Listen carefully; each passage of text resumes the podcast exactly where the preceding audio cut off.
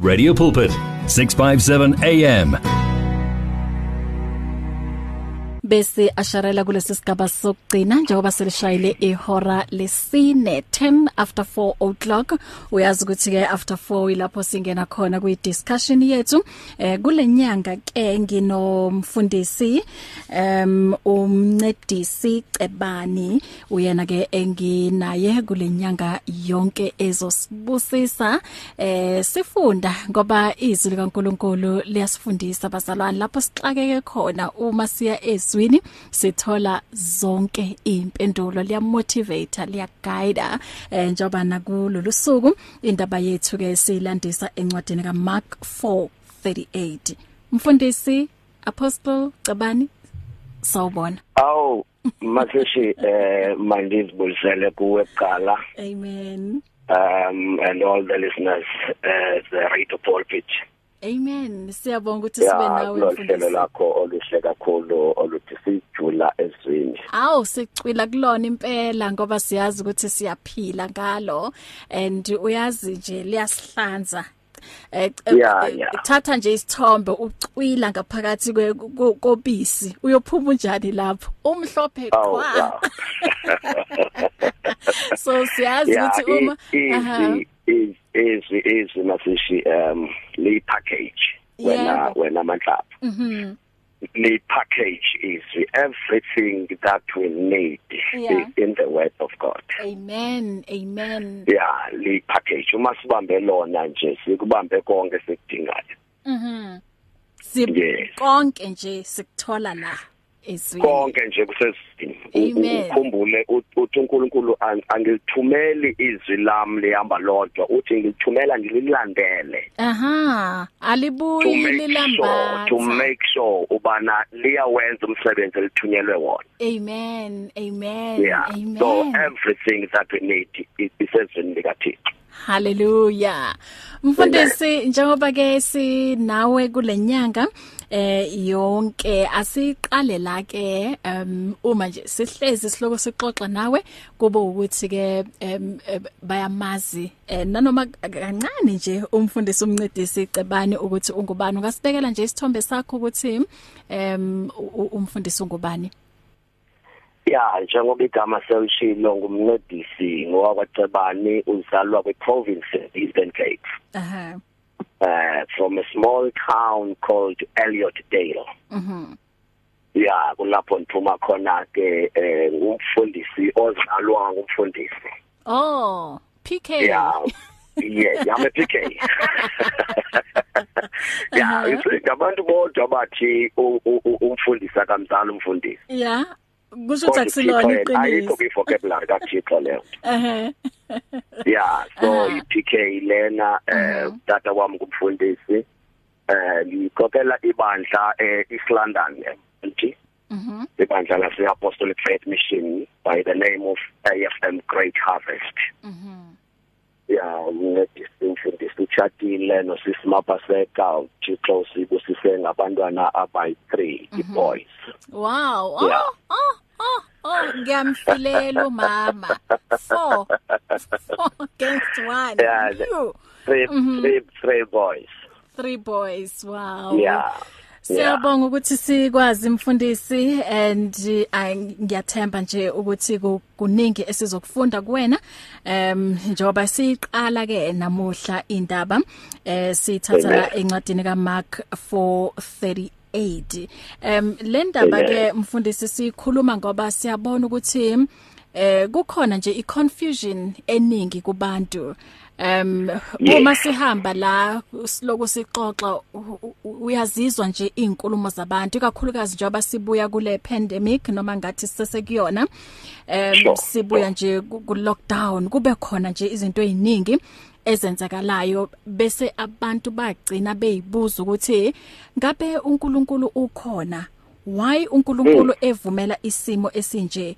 Ngabe uNkulunkulu uyakhera ngathi singabantu? Akabona ukuthi em isizwe siyashabalala. So sure. ilapho ke indaba yethu. So mm, namuhla um noma ke uma siloku siqhubeka sixoxa ngiyacabanga ukuthi uma siyindlala kahle le ndaba akekho umuntu ozosala still ene confusion ngoba izwi likaNkuluNkulu liyaphendula la.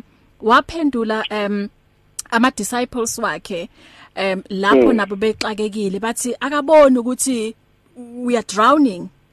Why elele? Kusho ukuthi akusiyena uNkulunkulu he doesn't care ngathi. Sure. Okay mfundisi. Sure. ithi mina ke ngingayikhulumi kakhulu le ndaba. Eh, a- asixoxe mina nawe. Yeah yeyethu yeyethu manhlapha sizoyixoxa. Aha. Yeah mhm, mhm. sizoyixoxa. As asinjalo asi unpack mfundisi. Yeah, so, like, like you said, Mantrapo, you know, um, ngokwesithetha uh, off the air. Mhm. Um, ngithe ku- I, I, wouldn't love ubana si si si si, complicated because things are already complicated. Yebo. Mhm. Um, I would love us. I would love us ubana si si zame kuba theological correct and stuff. Yebo. Abantu are already frustrated. They do not need any further frustration. Mhm. into abayifunayo abantu belizwe lakowethu bafuna isolution now um ingathi singaske sisuke nayo from verse verse 35 Ehem. so that sizoyi understanda kahle apho isuka khona yonke le ndaba Mm. uverse 35 uthi kule bible yami yesixhosa athi kubo kwangaloo mini this is Jesus athi kubo kwangaloo mini kwakuhlwa engathi singayi-underline le ndawo ithi kwaukuhlwa Aha. Masiwele siye ngaphesheya. Mm. athi kubo kwaukuhlwa masiwele kufanele ke sithi take note of eh igama elithi athi kubo. Xa si si sibuyela back to the book of Genesis chapter 1 verse 1 I mean the whole chapter it's the repetition of uh, the the same word. And God said and God saw and God said and God saw. Was up to the very last verse and God said and God saw. Now lenefuna siboneke ukuthi God saw exactly what he said. Akakhange ayibone uThixo in the book of Genesis into angakhange ayithethe. Now kufanele sirely thina abantu ngokupheleleyo. And i mean uh, sifunde to lean on what god said. Athi kubo kwangaloo mini kwakuhlwa. Ithi lento ngamagama avakalayo manhlapho. Xa uthixo ethethile sinakho ukuwela noba kuhlwile because uthixo akatshintshwa lixesha kodwa nguye otshintsha amaxesha. Wow. Uthixo akatshintshwa yisituation kodwa nguye otshintsha isituation. U- u- uthixo akadependanga to any source because he is the source. Whatever uthixo ayithethayo it will definitely come to pass. Noma kwenzekani. So the only thing esustain i-disciples koluhambo kukhona lo moya kukhona amanzi kukhona i-high tide elwandle.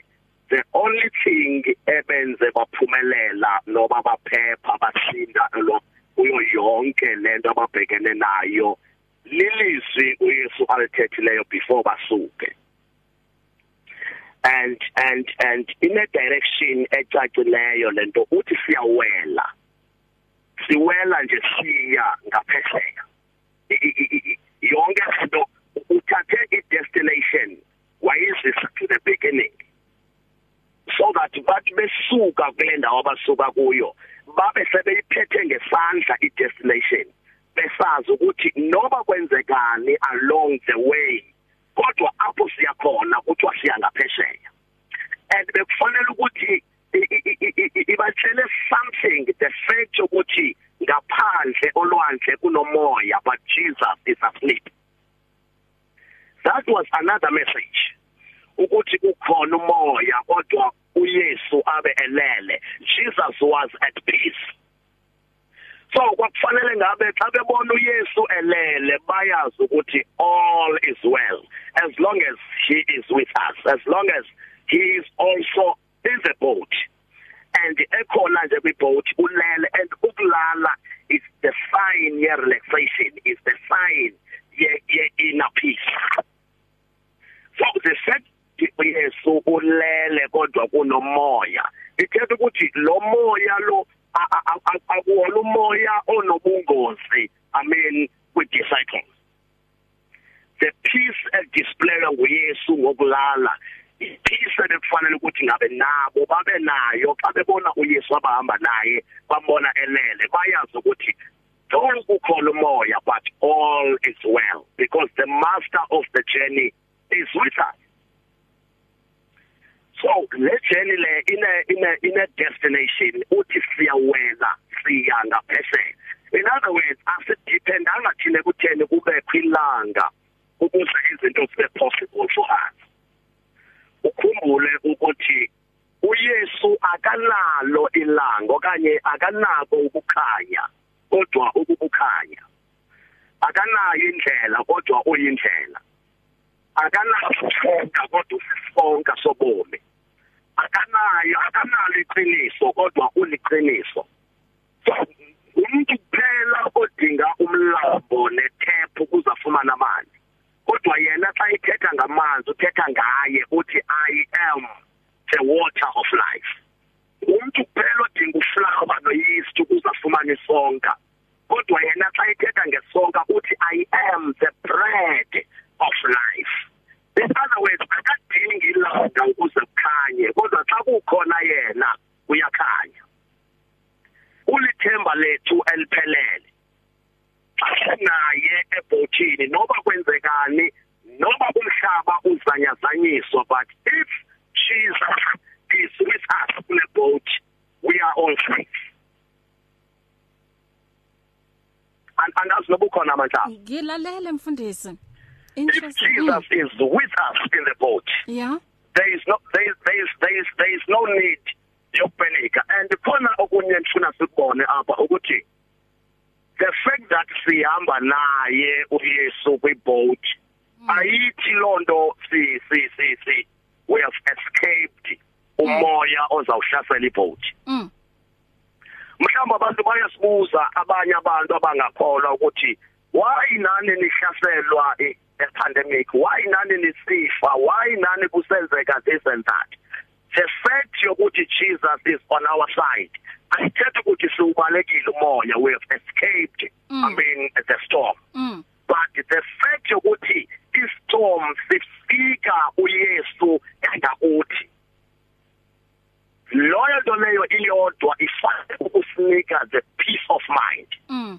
Udependa ukuthi istorm siyasifikela sonke istorm siyasishaya sonke istorm siyasi siyasi siyasibetha sonke but kudependa ukuthi istorm sikufikela unabani kwiboat yakho. Mm. Ay- ayithi lonto abakholwayo abasi experience storm abayi experience suffering? Abayi abayi experience this and that? They do experience it as well. But the biggest question ukuthi istorm sikufikela wena uhleli nabani? That is the question esikufanele sizibuze yona ukuthi sikufikela uhleli nabani? As long as yeah. Jesus is part of our journey then we are safe. Mm. We are safe. It's here. Radio Pulpit's new website is live. You can tune in at radiopulpit.co.za and enjoy crystal clear sound with just a click of a button or listen to our podcasts. Discover biblical truths in our daily devotionals and let our stories of hope inspire you. You can download our app on this new look, easy to use platform. Find your favorite program, get to know our presenters, and so much more at radiopulpit.co.za. Radio Pulpit, your daily companion. Our family is just getting bigger and bigger. Welcome to 657 AM. mfundisi Well, yeah yes njoba yes yes yes njoba s- em si- sisabhekane nalesi storm kwamanje. Umbuzo wami ukuthi why are we f- so frightened or why is is so afraid? Is it because asim trust enough uNkulunkulu? Umbuzo omhle lowo ma wena madlapha no we do trust god. Mm. We do trust god you know. Um ithi ithi bible encwadini ka Matthew. Um if you are coming across a mountain mm mm. you do not need a faith that is as big as the mountain that you're facing yeah. I mean if faith elingana ne mustard seed is enough mm. we do not i mean we do not need to have a faith elingana ne corona yeah. for us to defeat i corona. Mm.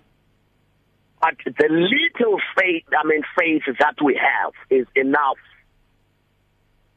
to sustain us during Wow. this pandemic. Mm. Let's let's say um one of my favorite stories in the Old Testament uGoliath um ube ube kwiside lensitha somkhosi waseIsrael now when the devil releases his giant uThixo kumkhosi wakhe aka release another giant to mm. go and face the devil's giant. Mm. But uThixo when the devil releases from his uh, camp a releaser i giant yakhe God is looking for his boy David. So God will always kill and destroy all the devil's giants by his boy so the the faith the little faith faith that we have is enough. Asiphephanga ekutheni si sibe ne hesitation ekugcineni singabantu. The little faith that we have is enough ayithethi ukuthi siyamdoubt uThixo but uThixo i mean he always come to our help into yonke esingakwaziyo thina ukuzenzela yona so if i mean ifear yethu kule kule condition mm it invites our God to intervene. Mm.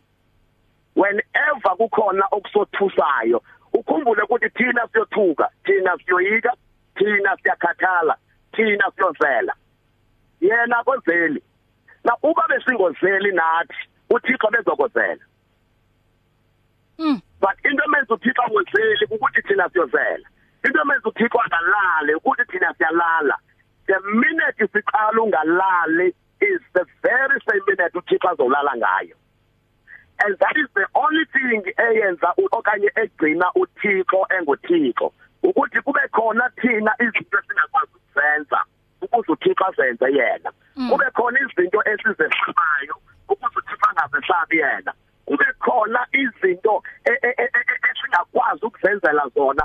Kube khona izinto esingazazi thina abantu.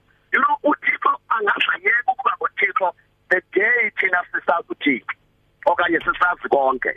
Mm. but into ezo uThixo be different kuthi ukuthi yena ufike abe strong abe more strong lapho thina si weak khona ukuthi yena ufika abe more strong lapho thina sishaba khona ukuthi yena ufika abe more strong lapho thina siphelelwa ngamandla Mm. so ukuze uThixo kuvela ukuthi uThixo bukaThixo kufanele nathi buvele ubuntu bethu mm So the fact that we've got fear sometimes, it does not mean ukuthi we do not trust God. No, we do. yes And and, and this faith esinayo engange mustard seed is enough. It's the faith that God requires from us. Wow. 28 after 4 o'clock ngikanye nompostoli umncedisi Cebani sibuka udaba lwethu from encwadini kaMark 4:35 um to 38 siqale ku 35 angithi mfundisi Yes, yes, And- iqale ku 35. U- uyazi uma ngibuka eh labafundi mfundisi mina ngingayithatha ukuthi mm, they were they were real about um ama fears ababenawo and, Sure, sure, and sure, sure. anxieties They were real. yes so umbuzo Yeah. wami ukuthi is it wrong yini ukuthi siye kuNkulunkulu uma si sinokwesaba sibe real like for instance njengoba sibhekana nale pandemic maybe nathi um sim approach the way ama disciples baye bam approach ngakhona ukuthi mara awuboni ukuthi kwenzakalani la? Siyacwila. And it seems like you you don't care. uNkulunkulu yini oyenzayo kulesi simo? Usikhipha kanjani kulesi simo? Mm. Mm. No ku- ku- kubalulekile kubalulekile manhlapho ukuba real. yeah A- a- a- Akhono endi endi engayithandi ngathi ngabazalwana aba aba dramatize everything. yeah Ubalulekile ukuba real and once waba real unikeza uThixo the actual I mean problem ekufanele ukuthi adilishane nayo. mm mm ngoba uma ungekho real ufike uyikhombe inkinga ekhanda kanti inkinga isesiswini. Mm. Now god will attend i- i- ikhanda lakho sishiyeke isisu sibulala. So kubalekile ukuthi ube real yenza ukuthi lonto uNkulunkulu adilishane nalento kufanele ukuthi adilishane nayo kwi situation yakho. Yeah mhm. Now and one more other thing evelayo lapha ukuthi iBhayibheli ithi there were more other boats besikhona ezinye boats olwandle but asiva zona ukuthi imeko yazo situation yazo ebekade njani mm. And what i like about these guys uh, they did not look for any help for any assistance from these other boats and the reason why kunga kungathethwa into ngezinye boats kungoba uYesu bengenayo deal nezinye boats mm. And uma ujonga lapha em ukhona into ibiyokwenziwa ngaphesheya manhlaba mm. Ngaphesheya khona indoda ebekade isifa ngamadimoni. Khona indoda ebisibetha ngamatye iphethwe ngamadimoni. And i-deliverance yayo le ndoda engaphesheya ibihamba nalamadoda kwibhoti mm. Now i-concern apha bekungasiyona the devil was not threatened by by the boat abahamba ngayo. Yeah. The devil was not threatened about uh, the disciples actually 12 yes. But the devil was threatened by the mission ebiyokwenziwa on the other side. Mm mm mm. So by by attacking the boat isesolwandle the devil was trying to delay i-mission okanye i-deliverance Mm. yale ndoda ekuyosizwa yona ngaphesheya wow there is a mission ibandla a very strong and significant and significant mission ibandla elibekelwe emhlabeni Mm. there is a mission and a very significant mission about each and every one of us being the the the, the members of us the body there is a significant mission uThixo asibekele yona. Mm. and the devil is not threatened by you. The devil is not threatened by your intelligence by your brilliance by your diplomas by your by your degrees but he is threatened ngalomuntu ozoba uyena kusasa he is not threatened ngalento yiyo namhlanje kodwa uthreatenishwa yilento ozoba yiyo kusasa wow wow. Now when when when when when when we look ekuzaleni kukaYesu. Um this chap engu engu King Pharaoh wanted to kill Jesus eselusana akathreatenishwa lusana uthreatenishwa ligama elithi uphi lo udlelweyo oyikumkani yamayuda. Uthreatenishwa leligama loku this is a child but unegama abizwa ngalo kuthiwa he is the king. Mm. He's not the king today but he's going to be the king tomorrow mm now for me ngingisatan ukuze ndiqede ngekusasa lakhe mandingahambi kwekusasa let me finish him today so that uba ndimchibile namhlanje lizo affected ingomso lakhe aha yeah hmm so it is always important no wonder uthixo bethi xa ibiza abantu ababize ngegama uba ngababizanga ngegama ufika buze ukuthi ungubani igama lakho Mhm, because befuna ukudilishana nomuntu real mm ukudilishana uxoxisana nomuntu oreal mayiphele idrama ecaweni. Hey mfundisi. Ayiphele idrama ecaweni kade Ayipheli ngikhuluma idrama. ngenye indaba namhlanje enkonzweni kunento ekuthiwa ezithi theologians i-biblicism. Mm mm mm. I-biblicism is when we talking about um kunale verse ethi siyuphatha inyoka siyuphatha iscorpions Mm. ngesandla singakubulali siyofela into ebulalayo ingasenzi lutho Mm. now i-biblicism is when you going out of your house yeah u- uphethe this verse mm uthi ake ngiyokhangela izinakes ngifuna uzibamba ngoba iBhayibheli ithe noba ndizibambile angeke zingibulali mm sisi uzobhubha sikungcwabe Hmm. because uThixo izwi lakhe akasi- akasho ukuthi bana simteste ngalo uma esithi angeke sife akathi masihambe sigalela ipoison kwizinto esiziselayo ngoba True. iBhayibheli njalo true. Yeah. Mm. Akathi akathi sihambe sikhangela iziscorpions sizibambe ngoba iBhayibheli ithe ngeke sisenze nto. Mhm. uPaul ngexesha esinda ebamba inyoka ithi ube ngayiboni Mm. ube ngazazi inkuni ukuthi zinenyoka. Mhm. so kubalulekile ukuthi singabazalwane as much as we trust God but masingamthesti uThixo if we, we have to sanitize. Make sure you do that. Mm, if kuthiwa you have to wash your hands for for 10 seconds. Make sure you do that. Mm. If kuthiwa kufanele ube nemask yakho xa uhamba kwi-public make sure you do that. Unga-apply into ekuthiwa yi-biblicism. Hmm. be real. Be real. Yes. Be real. Mm. And and and ukuvuma ifiye eh, aku- akuchazi ukuthi manhlapho uweak weak. Yes. But kuchaza ukuthi you have actually identified ukuthi problem ikuphi. Ikuphi? Mhm mhm. And once you identify ukuthi problem ikuphi now you are ready to deal with the problem. Amen. Akusho ukuthi you are weak. Ngikuzwa akusho kahle ukuthi u- u- u- uconfessa uconfessa i-weakness Mm. uma usithi I, i am now afraid i'm scared. Mm.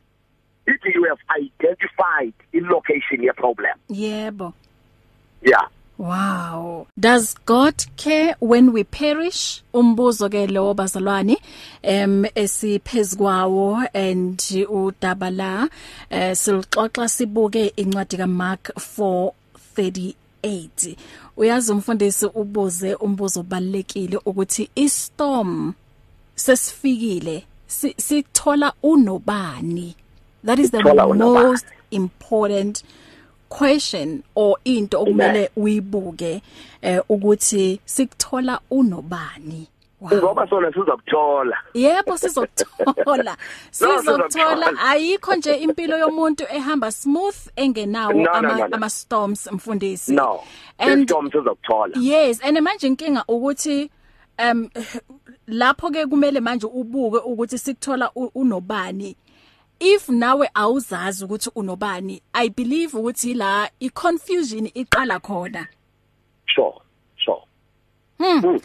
Ithi ke sithathe ikhefu mfundisi and sizobuya emveni kwalokho As easy as the touch of a button, the message of life on 657 AM. You can now buy your favorite programs and series of the past 38 years on eCompanion, Radio Pulpit's own online shop. Revisit programs by beloved presenters like Justice Chungu, Cecile Burger, Esti Geldenhuys, and Pastor Aaron Jelle. Books and CDs from various authors and artists, as well as Radio Pulpit t-shirts, caps, and other branded products will also be available on eCompanion, your one-stop soul food shop. Visit radiopulpit.co.za and click on shop. T's and C's apply. There is radio and radio, and then there's 657 AM. Can you hear the difference? Sisonke ke um until 5 o'clock ngikanye nompostol umncedisi Cebani sikhuluma la udaba um silithatha encwadini kaMark 4:38 umbuzo ke um okuwukuthi noma ngathi indaba e- e- ela e- e- em- emlonyeni yabantu kwamanje ukuthi ngabe uNkulunkulu um uyakhera ngathi na? Does god care Mm. when we perish? Ithi sithathe ke incingo mfundisi 0123341322 sawubona semoyeni? Ah sibahle. Ewe tata ah ninjani mama. Hayi siphilile siphilile mfundisi. Mm. eh. Hayi mandibulise kum- kumfundisi wami qala nakubaphulaphuli beredu pulpit. Amen. Hey ingaba uthi olona? Uyakhathala na does he care? Uma sichabalala U- umfundisi nami mama ngisho ndithi ukuthi kunjalo mama uyakhathala. One thing we have to notice bahle now anything good now e- ekwehlelayo or anything bad now ekwehlelayo make it a point or make it sure ukuthi unanto okuthiwa i-heavily heavenly full backing mm. left and right make no mistake. Mm. Make no mistake. Uyabona if ngingenza umzekelo ngotata uJob the wealthiest man kwela seuthe but inkomo ndiyayithanda pha kuyo noma wehlelwa ku- yila disaster yena neto kuthiwa i-heavenly full backing.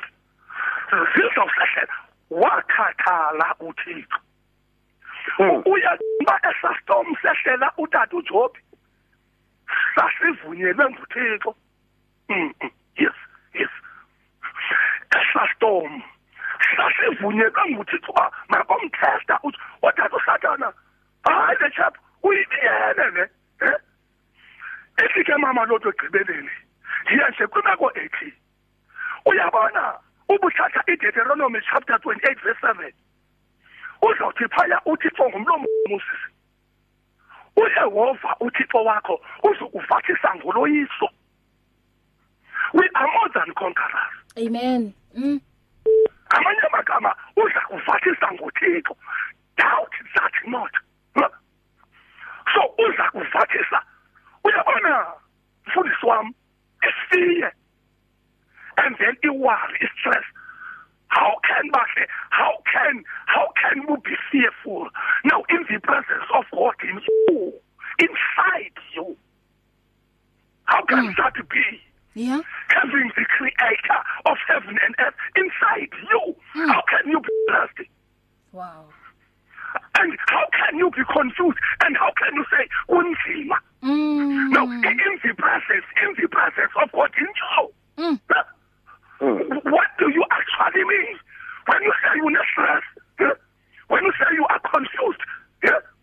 Oh, ngapha koko in short umfundisi uthi i-frustration yinto ekhoyo eh? Mm. and i- i- i- i- we can never intaka sibahle ezidalwe ukubhabha phezu kohloko sethu Mm. sisenze uba singakwazi ukubhabha phezu kohloko but sidalwe ngolo hlobo yeah? yes sir. but in, in your life never allow uba intaka yakhele ebuchotsheni bakho eh? yeah never allow uba intaka yakhele emphandleni yakho uba ayidalwanga loo nto mimi ndizasegqibeleni tatam ndiyaziqalela islameko ithi umzekelo U- besoyeka nje bebengekakholwa siba sasinikanga moya bukwala yebo mm U- uba icorona who is corona for liliphe lihlele nololo lwabangcwele bakathixo lophumelela mm Eh? mm mm mm and ukomelela ukomelela kwakukathixo ngamakholwa kuzoboniswa kanjani uma siduda sinothixo siscientist Mm. sinothixo iscience how can how can masibe nothixo sismuku nesanitize having sanitized by the blood of Jesus now in our heart yeah? siphila kwa-supernatural si- sikwa-extraordinary asingobantu thina hayi hayi mm singobantu sisibabeyond umuntu yeah? so sibebe enhla kwabantu ukuze abantu babone ukuthi ukomelela kathixo yeah? liliphe lihlele liphe lihlele khona ke ngalolwa nguthixo A- a- uthixo ngalona ihlele lone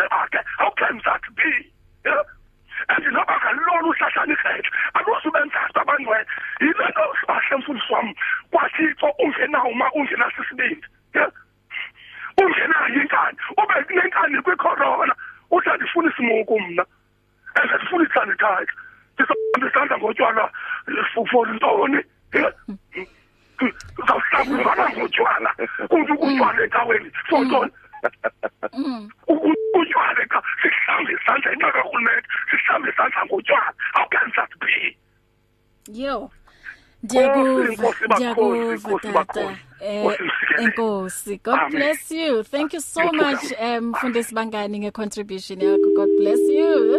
Um zi- zivuliwe incingo 0123341322 sawubona usemoyeni? Linjani sizibathe siyaphila ninjani baba? Sikhona. Eh. Sibahle yebo baba. Akuncedi lutho. Ukuthi sifune ukuthi sithandazile iCovid-19.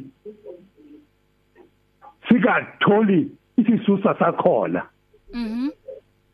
Isisusa yini? Mm.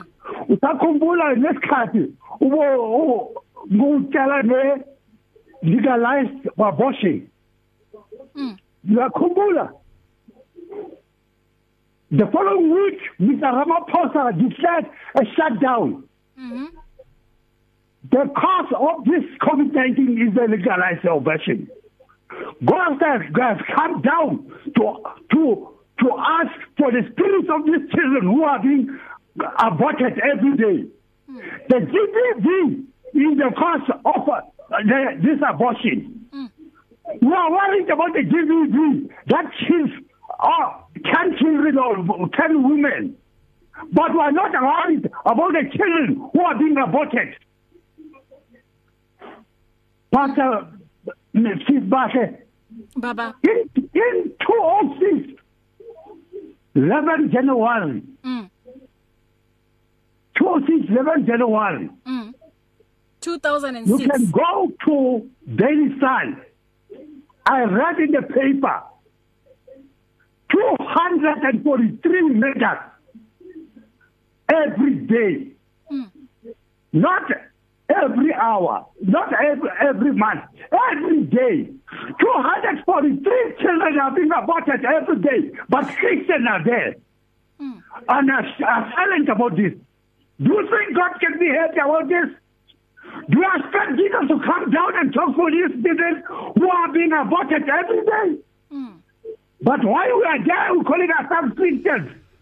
We are like Laodicea. We are not hot. We are not cold. We keep on spreading false, false, uh, false evangeli. We have evangeli son, no more terror. Ke jwetse ka tete Ramaphosa. Ka President Kagame, you know, is the higher President RSA, President at RSA. Ka re, no, bana bana legalize yo o tlo bone Jacobin o bo jwetsa le mafati a mang a etse jwalo mm ane ga re sa jwetse mafati a mang tate wena le batle ke a ho re sa jwetse tlata mafati a mang gore a legalize hona jwale nka letsetsa example ntae mme ga o ka sheba ntho ena e atile kae mona mo ditšhaba tsa teng di legalizetseng abortion. Go sheba go ka ka south africa fela ke yona e go feta dinaga tse ding kao fela a south africa mone gobane ke yona ya pele ya legaliza abortion. Isusa so utate ari i- isusa salento ikuphi ukuze sikwazi ukukhulekela isusa the the, the root cause? Wow Ngi- ngikuzwa kahle. Ke utlwa hantle ntate Re a lebo- re a leboha ka contribution ya hao. pedisa auti yes the root cause. Ke nyeo mebuso ya lefifi mhm ne ke shebeletse zondo ka jeng stephen zondo bishop stephen zondo. O tutlerile thapelo ya beke kaofela from di-seven o sega di-eleven o rap- gore ke deliverance o rapedisa gobane o o exposed mm. A ase a o sebase nako ya mebuso ya lefifi o fedile. Ga baruti ba sa eme ba rapela modimo o phelang. Modimo o tla dila ka bona. Ke na kwa hore baruti ba etsetse mebuso e na le fiti hore e etseng ha o bona ha o bona eo eh Daniel 2 verse 4 43 to 45 ho tshwanetse le kgapwang e se ka letsola motho la fihla la hiletsa mebuso ena la iketsa thaba. Re phela merego ya mebuso e mmedi wa letsopa le tshepe.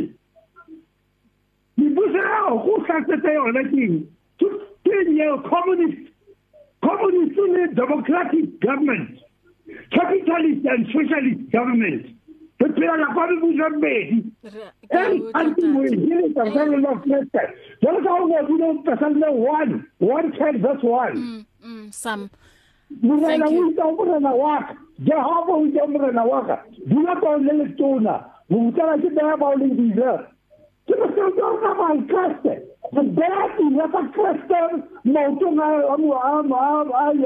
ka kreste bonamelo ba maoto a kreste a re rapeleng eh ntate mm eh ka phela thaisi ya eng motho ba ha se tsotsa ke thaisi tsa o senya lo dibong Mm. Ra leboha ntate uh, because of nako. Ey ya nako. Mm, Yebo. thank you Ra leboha ntate. Yo. It's difficult to face the overwhelming pressures of life alone. Sometimes we just need someone to talk to, someone to listen to us. And what better way to do that than through a quick and easy WhatsApp text? Whether you're having a hard time coping with school, family issues, being bullied, depression, or anxiety, speak to someone who cares today. Send a WhatsApp message to 064 530 6805 or 074 995 9085. Our I Am Youth Counseling team, Charles Dudoy and Danny Vambili, are ready to connect with you today. Hear the word and renew your life on 657 AM. Um kune WhatsApp message lana uthi God cares when we perish. He never promised that it will be easy but he promised to never leave nor forsake us. Umama Sithole. Um mfundisi wami ubaba lana uthi kumele sikhulekele the root cause ukuthi ibuya kuphi eh lento thina sithi nanoma eh kwenzakalani kodwa we know ukuthi uNkulunkulu ngeke ashiye futhi ngeke asiyeke so umbuzo omkhulu ukuthi uma sifika istorm sikuthola unobani Sikuthola unobani. wow Sikuthola unobani. And ke mhlawumbe kulento ishoyo eshiwo utata lo. yeah Um Jesus uh, uh, uh, once condemned his disciples. mm mm um ufika um bebuza eh sabefika lo egula. Mm. Now bayabuzana ukuthi eh ingabe ngubani owonileyo? Ngaba kone lo noba kone abazali bakhe? Mm mm. Why kusenzeka lento empilweni yalo? Mm. Now ufika uYesu bebusy neargument be besa besazama ukubheka bheka ukuthi what is the cause Mm. of all this? Uthi uthi yena uthi no no no no no. Bekungafanelanga ukuthi nichithe ixesha leno nizama ukudiga ikhona mm. Le i- il- o- lokufa lokhu akusingiselanga ekufeni kodwa Yeah. kwenzekela ukuze kuzo revealwa the power of the Lord Mm. upon this person. Mm mm. So zi- zi- zi- zi- zi- zikhona izinto esingadingi nokuthi senze research uba ziqale kanjani ziqale phi ziqalwe ubani. Yeah. But God is never late. God is not too fast nor too slow. He is Mm. never too late nor too early. Kodwa ngexesha afika ngalo that is the perfect time. Mm. Azo azo azodilishana ngalo nepandemic. Noba ivele phi noba ivele kanjani kodwa okwethu ukwazi nje ukuthi xa ifika ipandemic Yeah. ifika sinabani. Sinabani? And and and number 2 manhlapho ukukhona iphuzu olmentionleyo lapho. Mm. Elithi kubalekile eh, ukuthi nawe urecognize ifact ukuthi ubani ohamba naye. Yeah mhm you you you you, you know if ihashe lingawazi amandla elinawo akekho umuntu ongahlala phezukwalo mm mm mm. If inkomo inkunzi yenkomo ingawazi amandla enawo. Akekho umuntu ongayibopha. Yeah. But into yenza ukuthi zonke ezizilwane zisetshenziswe ibonakala ngathi iabuse kungoba na aziwazi amandla aziyazi potential esinayo mm. So abafundi ngabe bafela elwandle uyesha khona behamba naye. Mm. If bebengakhange ba recognize the fact we thank God ngoba istorm sifike ngexesha le right phakathi kwethu sihamba nomuntu right mm mm. So kubalekile ukuthi you recognize the presence of Jesus in your life. Yeah. And and recognizing the presence of Jesus in your life ikwenza ukuthi ilanguage oyithethayo inga inga influence system that you are going through. Mm mm mm. Ulimi lakho aluphazanyiswa sistom yebo. Well ibancedile lonto i-disciples ukuthi noma ulwimi lwabo luwela phasiseka luphasisile ulwimi lwabo Mm. but they at least they did themselves the favor yokuthi basazi ukuthi bahamba nabantu yeah kuthi xa kufika istorm basho ukuthi ngubani esingamvusa. Esi storm sidinga ubani ongadilishana naso ah. So befika kuye be- betshintshe ilanguage.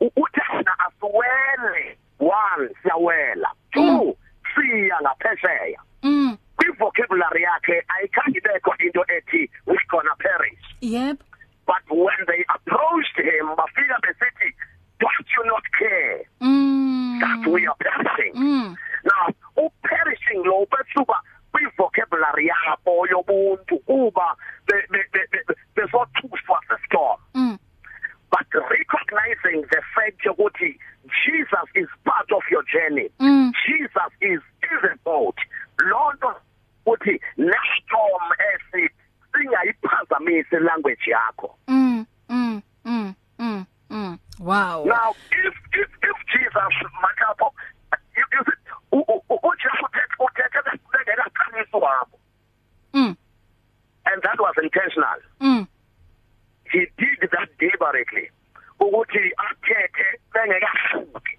yeah during the storm ubesafananga ukuthi sathetha during the storm mm now ithi lona leyo if uthixo simbona ngathi uthule okanye abantu bambona ngathi uthule during this pandemic lonto umyalezo wokuthi athina sine responsibility ukuthi sikhumbule ukubana what did he say before the pandemic mm mm if he does not speak during the pandemic what did he say before the pandemic sure now all the i mean i-disciples bebefanele ngabe ziyenzile eh nangaphezulu kokuthi bayomvusa bayom-interrupta elect bekufanele ukuthi bona ngabe bakhumbule uba okay he is not speaking now during the storm mm what did he mm, say before the storm mm sure that is another biggest question yebo and and and okay. Kukhona these two scenarios in the bible. Enye eh u- u- Paul and Silas they are in jail prison. Ngapha um ku this chap andazi uba bathi umilkshake noba ngu- u- bathi ngibani manje um milkshake noba umishake okay. Sizothola mfundisi. yeah. Shadrach Meshach Abednego oh Shadrach Meshach and Abednego yes. Yeah. Mm. Um base base base basemlilweni emlilweni. Eh Yeah. Now, look at what God deals, I mean, with these two scenarios. mm. Etrongweni yabakhipha. Emlilweni yabagcina. wow. Uyabakhipha if I was there, if I was there mhlambe kuthiwa ndingu eh eh eh eh eh deputy ka ka God okanye advisor ka God. Bendizothi God nansi emergency emlilweni. Cela uyeka abantu e- e- ejele abadla imeals ezintathu ngosuku babukela iTV abangayibhadelanga bayeke but nansi emergency emlilweni but sibona uThixo ebona i-emergency etrongweni eyeka abantu emlilweni iyabakhupha etrongweni iyabagcina emlilweni. So akufanelanga ukuthi sithandazele ukukhutshwa ngaso sonke isikhathi esithandaza kufanele sazi bana if god does not take us out he will definitely keep us in. Sure.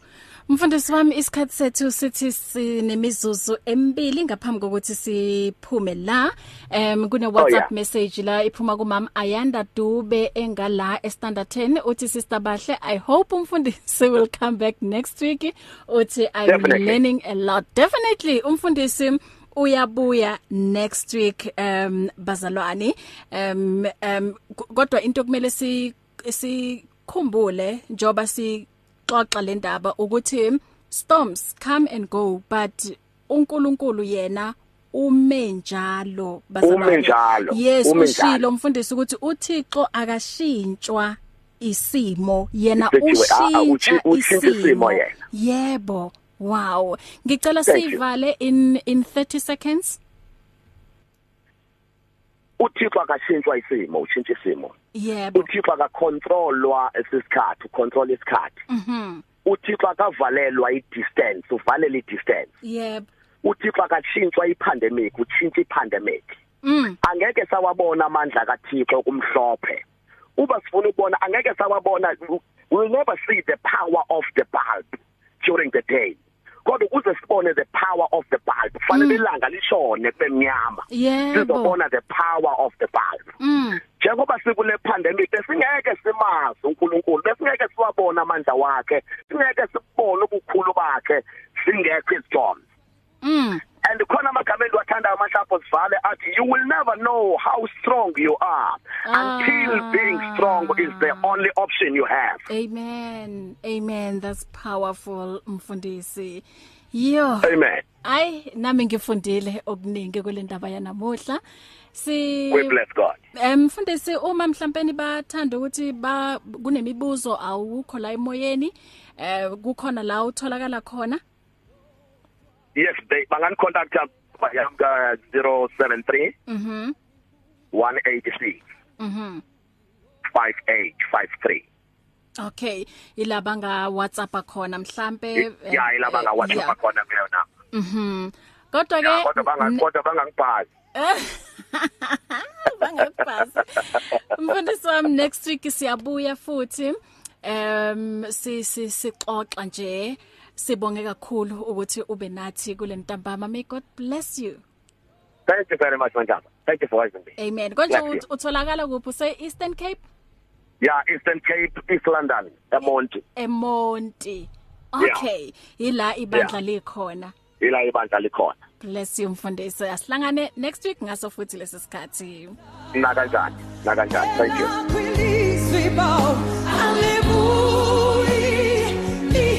Sibonga kakhulu ku Apostle Mncedisi Cebani. Ngiyaphuma ke uPastor Riley Khodi uzoqhubeka nawe until um 7 o'clock. Sasa kuseni sizodla ndawonye i-breakfast 4 am until half 5 God bless you. Ngiphuma kokholeka uthi alibuyi lilambatha. It's difficult to face the overwhelming pressures of life alone. Sometimes we just need someone to talk to, someone to listen to us. And what better way to do that than through a quick and easy WhatsApp text? Whether you're having a hard time coping with school, family issues, being bullied, depression, or anxiety, speak to someone who cares today.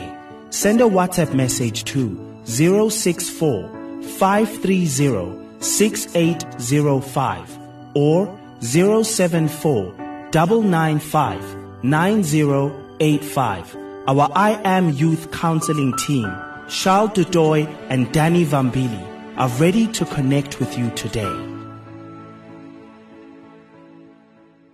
Many people across South Africa are being blessed and encouraged by the Radio Pulpit devotional magazine, The Word for Today.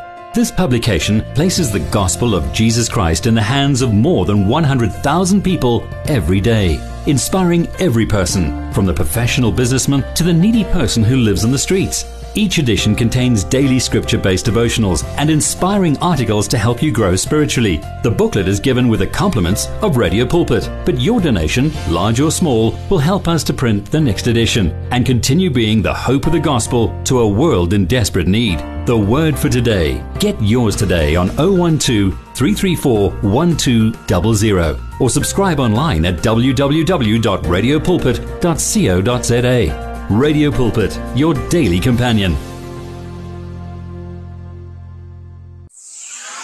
Become active, active in faith. 657 AM. 657 AM.